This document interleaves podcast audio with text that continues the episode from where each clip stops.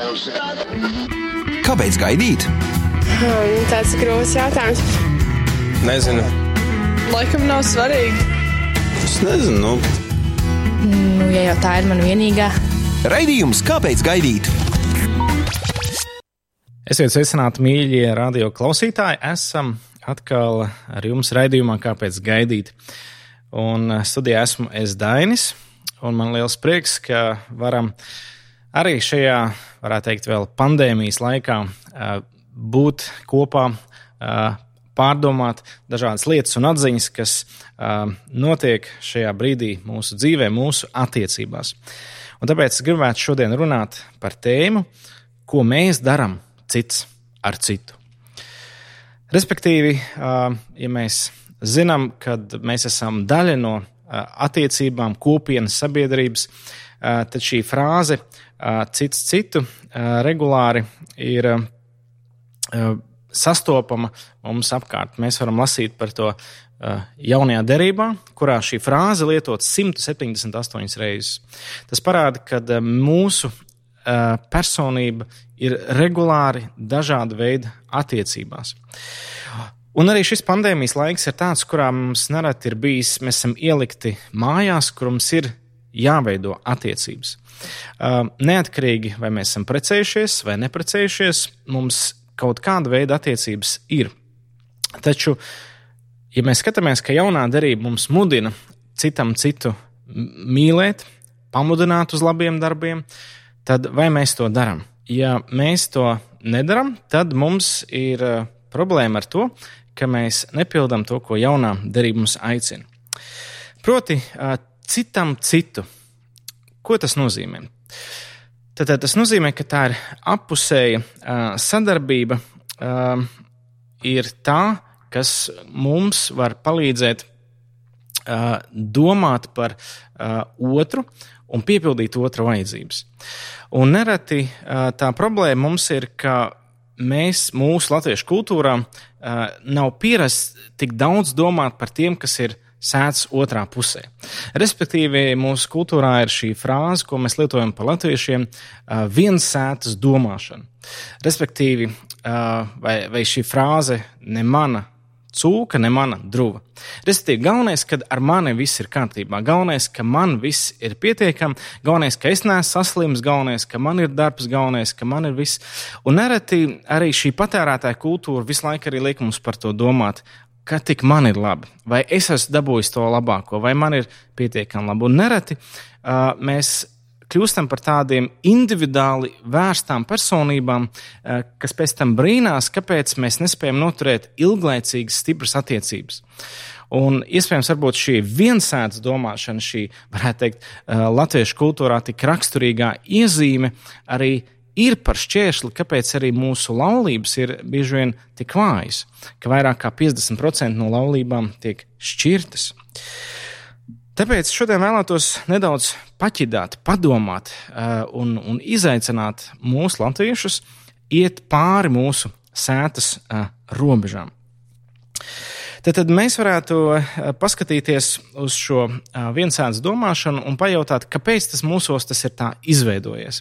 Kāpēc mēs bieži vien pat nepazīstam kaimiņus, kas mums dzīvo blakus dzīvoklī vai blakus mājām, un ja pazīstam, tikai zinām, ah, nu tas ir tas tautības pārstāvs vai tas ir tā vecuma cilvēks, un tas arī viss. Bet mums bieži vien nav šīs kopīgā sa sarunāšanās, dalīšanās. Un tā arī, ja ir, tad tikai tik ilgi, kamēr otrs dara pēc mana saprāta, jeb maniem uzskatiem.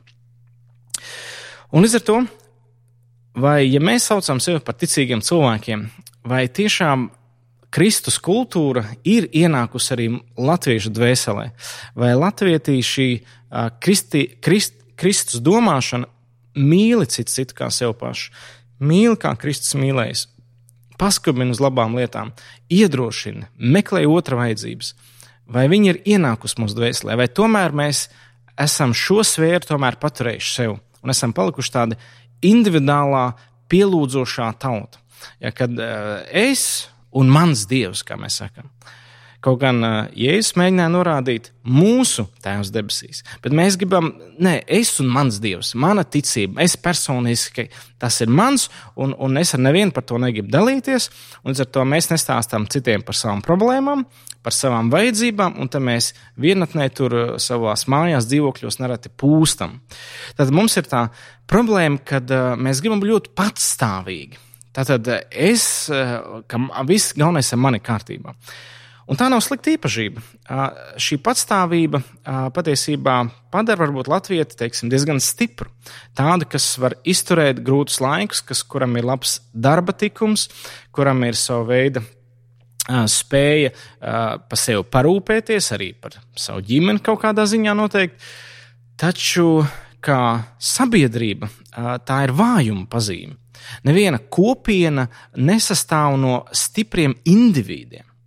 Eh, patiesībā eh, kopienas, eh, ģimenes, sabiedrības ideja, ka tā ir stipra no vien, kas ir atkarīgs no šīs individu vienotības. Tad, tad cik viņa spēja šajā kopienā ielikt no šīs kopienas, teiksim tā, eh, paņemt, jeb sadarboties savā starpā. Un tas ir noteicošais, lai ģimene, vai tauta, vai kopiena, vai draugs būtu eh, stipra. Tieši šī sadarbība ļoti svarīga. Bet kā tam mēs esam audzināti, varbūt? Varbūt tā ir problēma tajā audzināšanā. Labi, tas, ka kādreiz latviešu zemnieki eh, katram tur savu sētiņu, savu zemīti, un viņu otru kaimiņu gandrīz tur nemaz neredz otru puslaukam, un, un tas varbūt ir ģenētiski mūsos veidojies. Bet tomēr eh, nu, tā laipnība, labestība jau bija kaut kur. Bet mēs varam pavērot padomu laiku. Padomu laikā ir teiksim, augusi manu vecāku uh, paudzi. Jā, es tikai nedaudz, bet principā paudze, kas audzinājusi mūs, 30 gadīgos, 40 gadīgos, tā ir nu, tikai augusi sākumā savus pirmos divus gadus padomu laikā. Nu, un tad ir vec, vecvecāki, kas kādi varbūt ir aizsniegušies vēl līdz pirmās Latvijas laikam. Taču, tātad, kā padomu laikā, kas, kas tur bija uh, raksturīgs? Tātad, uh, tāpēc, ka bija diezgan uh, daudz šī uh, vēlme sevi pasargāt. Tad, tad tu nevarēji būt atklāts visās lietās. Tu nevarēji skolā teikt visu, ko tu domā, vai darba vietā, ja bija šī kontrola, šīs bailes. Līdz ar to bija šī, varētu teikt, aizsardzības uh, nu, visu laiku uh, nu, doma, ja kā sevi pasargāt, kā, kā iegūt, kaut kā cīnīties. Un līdz ar to tā paudze, ko raksturo, kas ir auguši padomu laikā, viņa ir diezgan individuāli orientēta. Lai arī interesanti, tajā laikā viss tika saukts par kolektīvismu, jā, par, par viss ir kopējs sociālās tautas, bet patiesībā nu, diezgan šī cīņa bija tāda individuāla. Kāpēc? Tāpēc, ka nedrīkstēja nemaz tā sapulcēties lielos baros kopā. Ja, kad, kad uzreiz čekisti uzreiz mēģināja piefiksēt, kur, kur sanāk vairāk par diviem vai trījiem, ja, kas tur notiek. Un, un, un līdz ar to cilvēki pat baidījās kaut kādā ziņā pulcēties kopā. Līdz ar to šāda kopienas domāšana bija diezgan teorētiska un tikai augstajā teorētiskajā līmenī, ka mēs visi esam vienoti. Bet reālajā dzīvē, praksē, nu, tas nevienmēr izpaudās. Ja, ja tas bija, tad tas bija ar tādu komunistisko, nebrīvu, bišķiņu uzspēlēto vienotību. Bet kā tu vari būt vienots, ja tu līdz galam nepiekrīti tam un, un īstenībā tāda iekšēji daudz konfliktu? Un, redziet, un, un ja teiksim, mēs tādā kultūrā augam, dzīvojam, tad uh, mēs, protams, domājam, kā izsisties. Jo tajā laikā domājam, nu, kā kaut ko dabūt, kā dabūt blatu, ja, vai paz, pazīšanos to vai to lietu, uh, cīņa par ekonomisko labklājību, ja, tādas, jo daudz ko nevarēja dabūt tāpat tās bija tiešām kaut kādā ziņā. It kā nebija jācienās, jācienās bet tajā laikā, ja tu gribēji kaut ko sasniegt, tev bija jācienās. Uh, Un, un līdz ar to izveidojas šī doma, ka tev jābūt patstāvīgam. Tad mācies, lai tev būtu labs darbs, vai, vai strādā, lai tev būtu līdzekļi. Un, un, un tad, vispār do, šajā mācīšanās idejā ir, lai es parūpējos par sevi. Nevis mācies, lai tu būtu labs sabiedrības loceklis, jā, strādā, lai tu varētu ieguldīt savā tautā. Šie lozungi gan izskanēja, bet, bet reāli es nezinu daudz ģimenes, kurā tiešām tas tika mācīts. Ja, ka mums visiem ir jābūt vienotiem, jo tas bija mākslīgi uzspiests, tas nebija labprātīgi. Un kas nav labprātīgi, viņš nekad no sirds nebūs. Un, redziet, un, un tādā veidā nereti kaut kur ir iegājusi vēl pastiprinājusi šī padomi kultūra, šo individualismu. Un, eh, un tad atnāk patērētāja kultūra, kas, varētu teikt, no visu laiku mēģina pateikt, tu esi tā vērts, tev to vajag, tu to spēj izmanto, esi brīvs, esi tu pats, kas tu vēlējies būt. Un, un līdz ar to no vienas puses, kas notiek, mēs liekas gribam to labāko, dabūt sev, bet mēs tajā laikā nespējam, nemākam bieži vien sadarboties. Ja nereti ir šis teiciens, ka labākais ēdiens latvietim ir cits latviečs. Tad, apspriest, kā tad viņam, kā tad, ko tad viņš ir dabūjis, kā viņam ir sanācis, izdevies. Un, ja nav izdevies, tad uzreiz notiek šī aprunāšana. Mēs varam pastīties vienkārši latviešu kultūrā. Viens no vietām, kur mēs varam redzēt, ir ir komentāri ja, interneta vietnēs. Ja kādi tur ir komentāri? Jā, ir labi komentāri, kas saka, forši apsveicam, bet tad ir tādi, zini, tādi ciniski, noraidoši, apsmejoši, izsmejošie. Un tas, tas nozīmē, nu, apēst to otru, ja, kas ir mēģinājis kaut ko darīt vai sasniegt, nevis atbalstīt, iedrošināt, bet vienkārši apēst. Nu, un kas tad no tā sanāk? Nu, mēs tāda cilvēkādāja tauta. Mēs gribam cits citu apēst. Un, un tas, kur ja tauta un kultūra, kas mēģina citu citu apēst, nu viņa, viņa nevar būt stipra, viņa nevar izveidoties. Un līdz ar to nereti arī mēs ienesam to pašu attiecībās ģimenē, jā, attiecībās ar bērniem. Nu, piemēram, nu, mani māte neaudzināja, vai, vai ne, nelika tur, ne, neņēma vai klēpī, vai nema, nepalīdzēja mācīties. Nu, tad tev pašam jāmācās, ja pats tieca visu galām. Un, un nereti, nu, mēs mēģinām to, ko mums nedēva, tieši tāpat arī nedot mūsu bērniem. Bet varbūt vajadzētu saprast, vai es esmu laimīgs ar to, ko man deva vai nedēva. Ja jā, ja tas strādāja un bija labi, jā, nu to mēs nododam tālāk. Tas ir lietas, kas varbūt mums jāierauga, ka tiešām nebija. Nav, es nepiekrītu, ka es tā negribētu savus bērnus vai, vai izturēties pret savu sievu, kā tēvs varbūt pret māti un tā tālāk. Uh, pārdomāt, izanalizēt, no kurienes mēs nākam, un pārdomāt, kāpēc es rīkojos tā, kā es rīkojos. Nereti es pats ieraugu, ka teiksim, šajā pandēmijas laikā nu, es esmu mudinājis cilvēkus pazvanīt citam. Ja, jo, jo nereti mums liekas, nu, galvenais, ka es neesmu saslims, ka man ir kārtībā. Un, bet draudzēs īstenībā daudzi gaida, ka viņiem pazvanīs. Kad man pazvanīs mācītājs, kad man pazvanīs uh, tie vecākie brāļi, kad par mani painteresēsies. Un tad jūtas apvainot, kad, uh, ka nav pazvanīts. Bet, bet tad uzdod jautājumu, kam tu pazvanīji? Nu, ko tad es, es jau neko?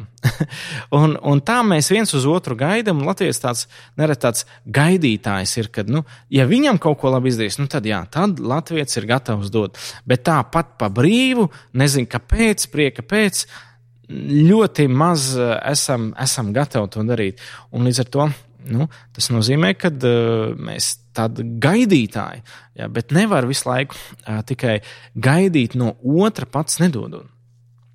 Piemēram, Salmans saka, ka viens labprāt piešķir no savas mantas citam, tomēr viņam ar vien vairāk krājas. Kāds cits ir sīksts pārliek, un tam tomēr kļūst ar vien, tomēr pats kļūst ar vien nabagāks. Tad Salmans redz, ka tieši šī došana pavairo mantu, pavairo svētību. Tāpat arī tālāk viņš saka, Salman 11.25. Dvēseli, kas bagātīgi svētī citus, taps stiprināta, un kas bagātīgi veldzē citus, arī pats kļūs veldzēts, kas nelaiž ārā no savas, savām klētīm labību, to ļaudis lādi, bet svētīgi nāk pār to, kas labību pārdod.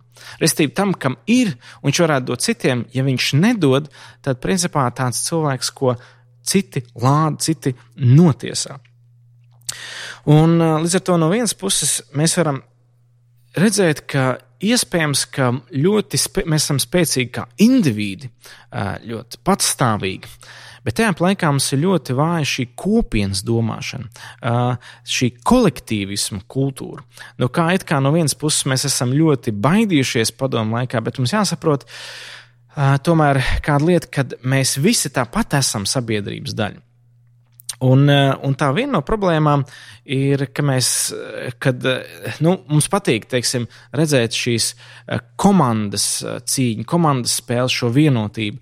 Ja, kad, piemēram, arī Latvijas hokeja izlase, kad ir spēlējis un, un ka viņi spēlējis un uzvarējis ne tāpēc, ka katrs individuāli bija spēcīgs, tieši otrādi individuāli bijuši ļoti vāji, bet kad ir spēlējuši kā komanda.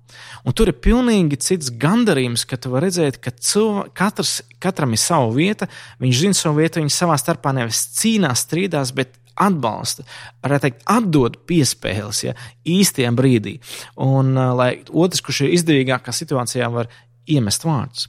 Tieši šī sadarbība savā starpā ir ļoti svarīga, un, un, un tāpēc uh, viena no lietām, uh, kā vajadzētu būt, kad viens par visiem un visi par vienu.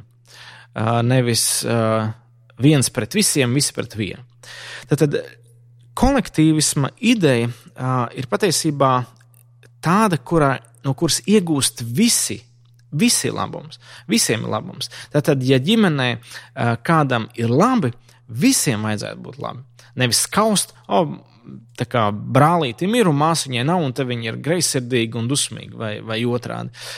Iemācīties priecāties par otru nozīmē arī savā ziņā priecāties par sevi, jo tu esi daļa no tā, kas ir viņam.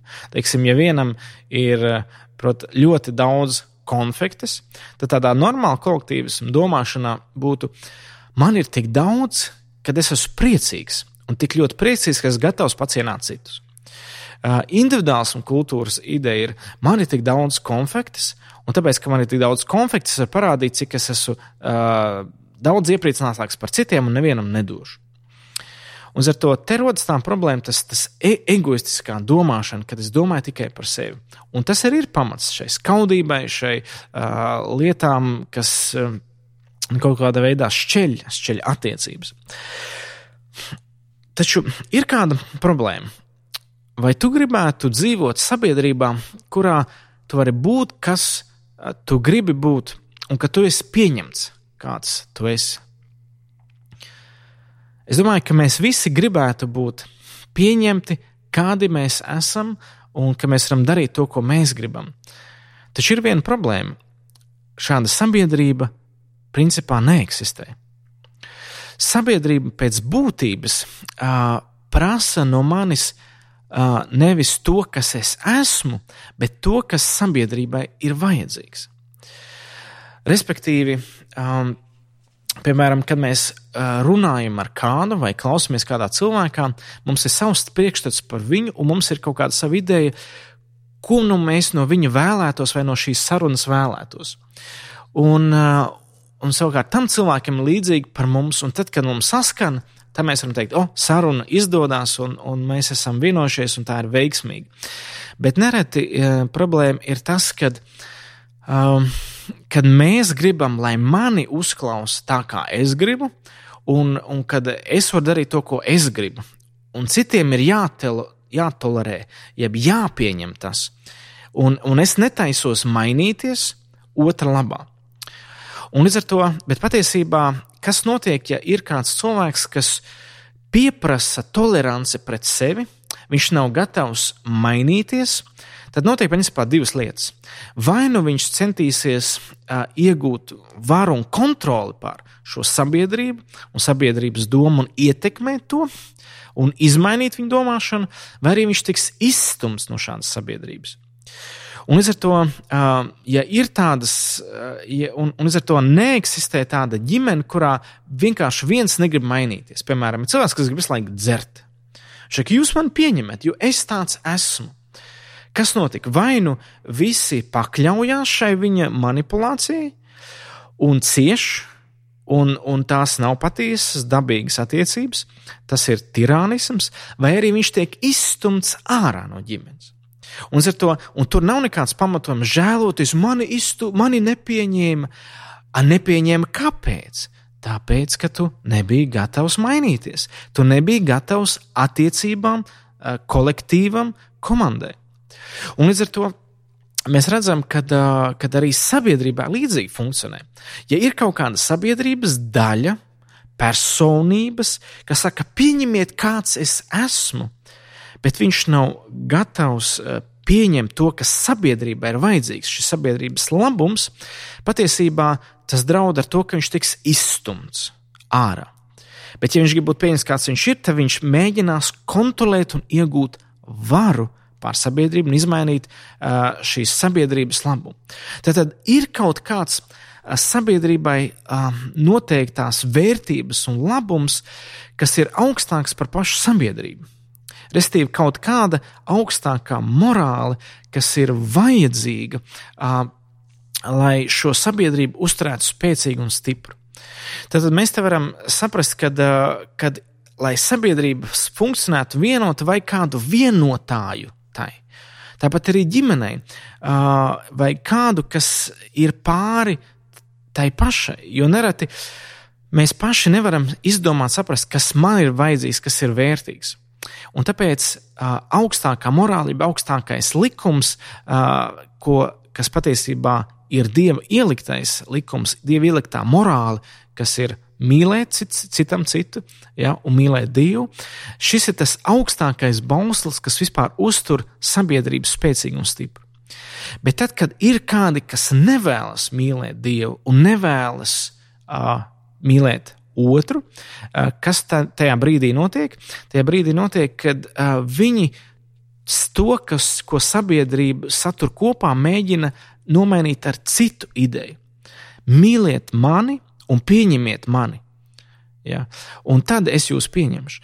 Un to tāda sabiedrība, kuru nesatur augšā šis kopīgais, šis augstākais morāls likums, principā viņa izrādās, ka viņš izšķīst. Un tāpēc uh, ne ģimene, ne sabiedrība, nekas ilglaicīgi nespēs pastāvēt, ja nebūs šī augstākā likuma uh, un likuma devēja - Dieva un viņa augstākā baušļa - mīlēt Dievu un mīlēt citam citu. Un līdz ar to, kas notiek šajā rietumu sabiedrībā, kultūrā, kurā mēs dzīvojam, indivīds tiek ielikts par pašu svarīgāko tad varētu teikt, šis kapitālisma domāšana ir, kad, kad indivīds ir svarīgs, klientam vienmēr ir taisnība. Taču problēma ar šo ir, ir tas, ka šis indivīds pats līdz galam nespēja patiesībā pateikt, kas ir vajadzīgs priekš visiem. Viņš vajag pateikt tikai savu vajadzību. Un savukārt tā atkal uh, nav saskaņā ar to, kas citam ir vajadzīgs. Un ar to kolektīvs uh, kapitālisms patiesībā kaut kur izgāžas. Bet no otras puses arī. Sociālisms ir izgāzies, tad, kad uh, par augstāko vērtību ielikusi ir ielikt pati sabiedrība. Ja? Tas, ko mēs kā sabiedrība gribam.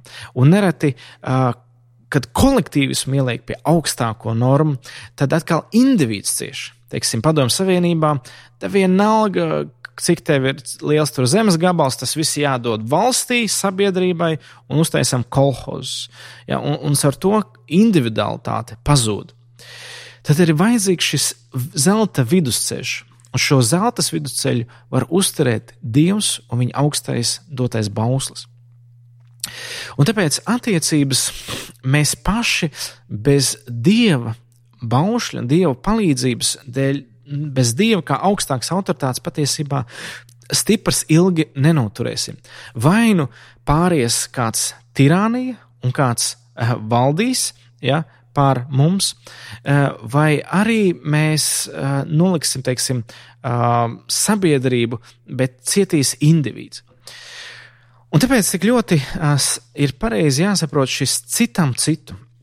Tad tas nenozīmē citam citu apēst vai citam citu, um, teiksim, neievērot. Tas nozīmē citam citu paskubināt uz dieva mīlestību un uz viena otra mīlēšanu. Un nereti tieši tad, kad mums pazūd šis augstākais balss no mūsu attiecībām, tad, kad mēs sākam mīlēt sevi, kā mēs gribam, vai mēs sākam mīlēt teiksim, sabiedrība, jeb cilvēktiesības, jeb likuma augstāk par cilvēku vērtību, nereti mums izšķīst šīs stiprums, kas, kas mūs var vienot mūsu attiecībās. Tad mēs runājam par savu veidu kultūru. Tad kultūra, kas ir rad, veidojusies laika gaitā, pieredzes gaitā, dažādu notikumu gaitā, konkrēta uzvedība, kas balstās kādās vērtībās, kas ir veidojušās laika gaitā. Tātad, ja mēs runājam par kultūru, tad tas ir kaut kas, kas ir iegājies kā tāds, nu, kas snieg, sniega bumba, kas ir sākusi vēlties, un ja viņa netiks apturēta, viņa turpinās iet tajā pašā virzienā. Līdz ar to tātad, nu, tāds piemērs par, par kultūru. Piemēram, ir, ir tas stāsts, kad, kad mamma cep cepeti, un pirms viņa ieliek krāsnī, viņa nogriež abus galus un tikai tad ieliek. Un meita to novēro un prasa, uh, mammu, kāpēc, uh, kāpēc tu uh, nu, uh, cep gaļu un nogriez abus galus? Un mamma saka, nu, mana mamma tā darīja. Ha, kāpēc, kāpēc tava mamma tā darīja? E, es nezinu, es vienkārši to tā, tā daru. Uh, Nu, labi, aizej, aizej paprast vecmāmiņu, kāpēc viņa tā darīja. Nu, mazmeitiņa aiziet pie vecmāmiņas, saka, nu, vecmāmiņa, eh, ma, eh, es cepu tā gaļu, un mana mamma cep gaļu, kad nogriežam cepeti. Bet tad sāk domāt, nu, kāpēc tā kā aiziet postā tā gaļa liekā? A, kāpēc vecmāmiņa tu tā cepi gaļu? Vai, zini, meitiņa, eh, man tā krāsniņa bija tik maziņa, ka tas cepets neielīd iekšā, un man vajadzēja abus galus nogriezt, lai es ieliktu viņu krāsnī. Un redziet, iesāk viens cilvēks, un pārējie turpina, neaizdomājieties, vai to vajag vai nē. Un tieši tāpat arī ir latviešu kultūrā izveidojies šīs viensādas domāšanas veids, un daudz šīs lietas, kas ir, varētu teikt, iekšā dziļumā, viņas nekur nav noformulētas, jo mēs skaisti noformulējam. Vienota tauta, jā, mums ir bagātīga kultūra, bet tā jau nav tā īstā kultūra. Tas ir kultūras āršķirīgi redzamais. Respektīvi, nepietiek vienkārši uzlikt kādas vienotības zīmes vai karogu vai kādus skaļus lozungus. Tāpēc, ka viss īstā patiesā kultūra tas, kā mēs rīkojamies konkrētās situācijās. Tātad nav svarīgi tas, ko mēs runājam vai sludinam, bet tas, ko mēs dzīvojam, tas, kā mēs lietas darām, tas parāda, kas ir īstā, autentiskā, varētu teikt, kultūra. Un ar to šī tieši tiek nodota. Jo savādāk mēs nododam šo liekulīgo kultūru. Mēs sakām vienu, bet darām citu.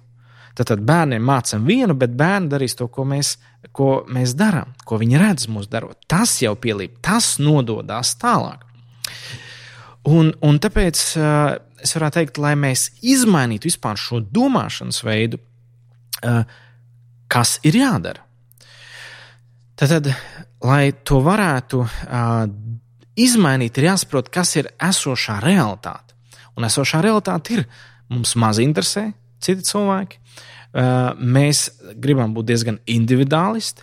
Mēs gribam uh, saņemt uh, katra paudze nu, priekš sevis, un mēs maz domājam par kopu, kopienas labumu, par sabiedrības labumu.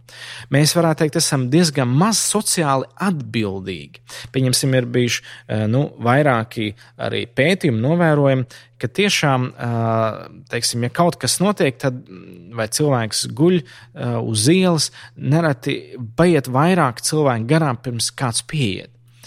Piemēram, es, es, es, es zinu, ka, ka tas ka tas varbūt mums tā nepatīkam par to domāt, bet mums jāierauga šī realitāte, ka tas tā ir. Ja, un, un, teiksim, ja kāda mašīna nu, ceļa malā ir teiksim, apstājusies vai kaut kas noticis, nu, mēs maz apstāsimies painteresēties. Ja. Mēs lēnām sākam to mainīt, mēs sākam lēnām kā sabiedrība iesaistīties ja, kopīgos pasākumos un brīvprātīgos darbos, bet nereti šis brīvprātīgo darbs uh, ir ļoti, ļoti zemā līmenī salīdzinot ar teiksim, citām valstīm. Piemēram, nu, es neteikšu precīzi, lai mēs atkal neapvainotos, bet uh, katrā gadījumā ir cits kultūras, kurā uh, ir sabiedrība interesējās ja, par, teiksim, par bērnu, kas ir uz ielas, kas kaut kur ir pazudis, pieiet klāt kādam, kam ir grūtība, un, un pat sabiedrība aprūpē cita citu. Un, un līdz ar to Kas izmaina kultūru? Ir jānāk uh, kaut kādam grūdienam, bet nevis tam jānāk ir āršķirīgam, tikai caur lozungiem. Ir uh, jānotiek kaut kādām izmaiņām. Un nereti uh, šeit ir runa patiesībā par cilvēkiem, vadītājiem. Varētu teikt, ka kultūra uh, un vadītājs ir kā monētas divas puses. Tātad, respektīvi, uh, piemēram, ir komandai, sporta komandai kāds treneris, un viņš uh, sāk veidot konkrētus uzvedības modeļus. Kā mēs darīsim šo, kā mēs izturēsimies pret to. Un viņš, principā, izveido savu veidu kultūru, kā skatīties uz lietām, nosprauž, kas ir vērtīgs, kas nē, uh, kaut kādus ieradumus. Un tad šī komanda arī pie cita trenera, uh, ja tas būs bijis veiksmīgi izveidojis šo nu, komandu un iekšējo um, atmosfēru, tad prasīs tādu treneru, kas varētu turpināt iet šā, šajās pašā gaitās un to, kas vajadzīgs, vēl uzlabot. Tad, tad ir vajadzīgi atslēgas cilvēki, vajadzīgi vadītāji, kas šo kultūru maina. Tātad, pirmkārt, kurš šādi vadītāji ir? Tie ir tēvi, tie ir ģimenes galvas. Tie ir vīri, tie ir vīrieši, kas uzņemas atbildību par savu ģimeni un veido kultūru, kāda ir bibliska, kāda ir dievišķa. Varētu teikt, Kristus kultūra, kurā ir gan katrs indivīds ievērots. Tad tiek atstātas 99, lai vienu atrastu, bet tajā pat laikā arī ir kopienas kultūra, ja, kad viss viņiem bija kopīgs. Un līdz ar to šo balansu veselīgi var tikai uh, tad, kad Dievs ir par galvu, kad ģimenē uh, Dievs ir pirmajā vietā. Jo Dievs domā gan par individu, gan par kopienu kopumā. Tātad viņš uzskat, skatās un pievērš gan individuālai cilvēku lūgšanai, gan kolektīvai. Un Bībelē ir daudz piemēru par to. Un ar to vīrietis ir tas, kurš ir ielikts pa sabiedrības galvu par vadītāju, un ar to vīrieši ir tie, kas šo kultūru veido, kas var to ietekmēt, kas var konkrēti nospraust, nē, šo mēs darīsim, un šo mēs nedarīsim. Un, un līdz ar to te ir tik ļoti uh, svarīgi uh, saprast, ka tā ir tā atbildība, kas vīrietim ielikt virs zemes, izmainīt šīs lietas. Un tas nav bieži vien vienkārši. Tas par, patiesībā prasa laust savu raksturu un kā kviešu graudam nomirst, lai nestu augļus. Uh, un, un to tas ir darbs, uh, bet vīrietim, vīrietis ir spējīgs to darīt. Un savukārt um, sieviete ir tā, kas spēj uh, šo palīdzēt ieraudzīt, jo vīrietis ir nereti ļoti uz tādu individuālismu, bet līdz ar to tāpēc nereti eh, kultūras, ko rada vīrieši, viņas, viņām pietrūk šis kolektīvs domāšanas veids. Savukārt, sievietes pēc būtības ir vairāk šādas kolektīva domāšanas veids. Viņas, viņas spēja vairāk domāt un, un, un saprast, eh, kāds būtu šis kopīgais labums. Un tāpēc mēs ieraugam, kad, kad vīrietis ir iniciators, nereti, bet viņš bez, teiksim, bez patiesas sievietes atbalsta nevarēs izveidot šo labo balansu. Tāpat ir eh, arī pasaulē ir šī feminīnā kultūra un eh, maskulīnā kultūra. Tātad maskulīnā kultūra, kad ir vadība, mērķi, sasniegumi, jā, eh, cieņa valda šajā sabiedrībā, jā, respekts pret vadītājiem, pret valdību, pret ķeizaru un tā tālāk. Tad feminīnās un, un šādas kultūras ir gan austrumos, Tā ir slāvu kultūra, tās ir kultūras, kurā ir izteikts teiksim, patriarchālisms. Uh, savukārt šīs feminīnās kultūras, kurā ir vairāk kolektīvisms, sabiedrības doma, tolerance. Jā, atkal šīs ir, ir sauc par šīm sievišķajām kultūrām, ne tāpēc, ka tur valda vienmēr sievietes, nē, bet tāpēc, ka tā, tas domāšanas veids ir uz. Un tāpēc labāko balansu var izveidot tikai kopā, gan vīrietis, gan sievietes sastrādājoties. Un tāpēc ģimenē ir jābūt šai brīnišķīgai sadarbībai. Un, un, un, un, un tāpēc nereti ģimene, kurā nav viens pārstāvis vai otrs, ir disbalans. Un tas ietekmē visu sabiedrības domāšanu. Un ir tāds neveselīgs mikslis.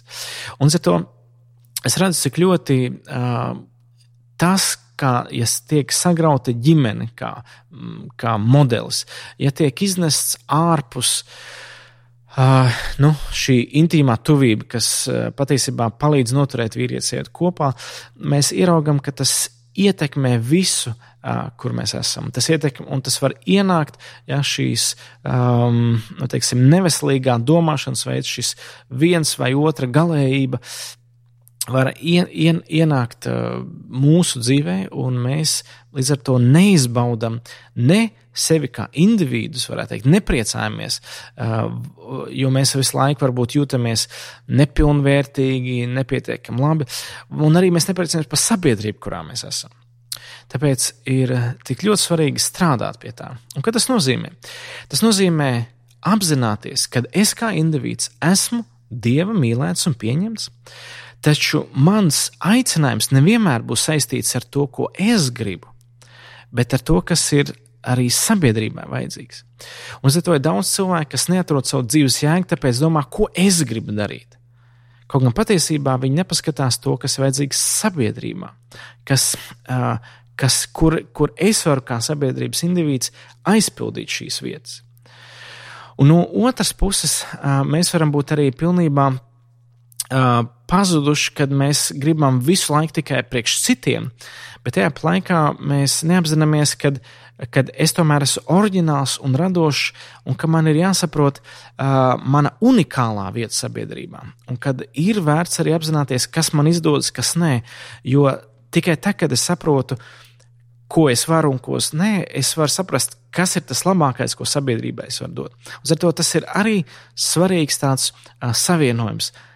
Es esmu šis, un es māku šo, bet kā es varu lietot to sabiedrības labā?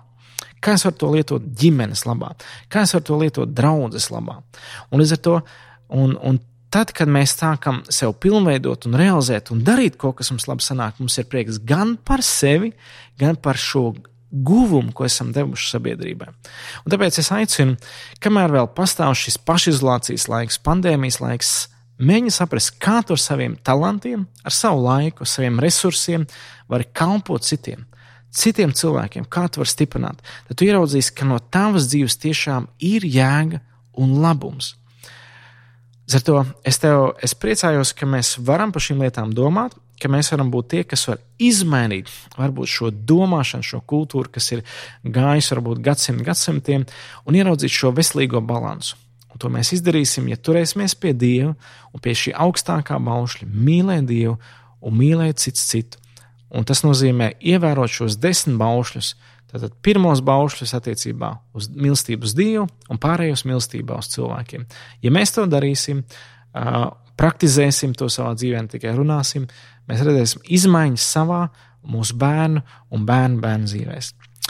Lai Dievs jūs svētī, ka šīs pārdomas var jūs izaicināt, šīs pārdomas var mudināt kaut ko mainīt savā dzīvē un darīt tā, ka tas ir par svētību jums un citiem. Paldies, ka klausījāties. Šis bija raidījums, kāpēc gaidīt, un, ja Dievs dos, tiksimies atkal pēc nedēļas. Ar labu vakaru! Šis bija raidījums, kāpēc gaidīt. Klausies to katru otrdienu, pulksten 18,5 minūtēs Latvijas kristīgā radio ēterā vai arī jebkurā tevērtā laikā internetā www.īsta mīlestība gaida LV.